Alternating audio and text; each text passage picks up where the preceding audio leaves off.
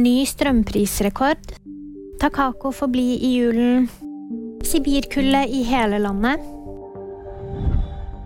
Strømprisen stiger i hele landet.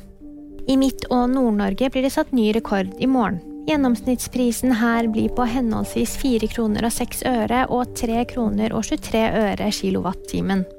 Sør i landet vil snittprisen ligge på 4 kroner og 59 øre. Det viser tall fra strømbørsen Nordpol. Utlendingsnemnda vil behandle saken til Takako Ellefsen på nytt. Den 83 år gamle japanske enken skulle egentlig tvangsutsendes innen 28. desember. UNE har tidligere avslått Ellefsens søknad om opphold i Norge. Nå vil de fatte nytt vedtak tidlig neste år. Kulden har for alvor kommet her til lands. Aller kaldest er det på Finnmarksvidda med 32 minusgrader. På Røros er det 22 minusgrader, og på Lindesnes er det minus 4 grader. Selv om store deler av landet er dekket av snø, kan ikke meteorologene love en hvit jul sør i landet. Det ser nemlig ut til å bli mildere neste uke. Og VG-nyhetene de fikk da meg, Jemund Brit Gahr.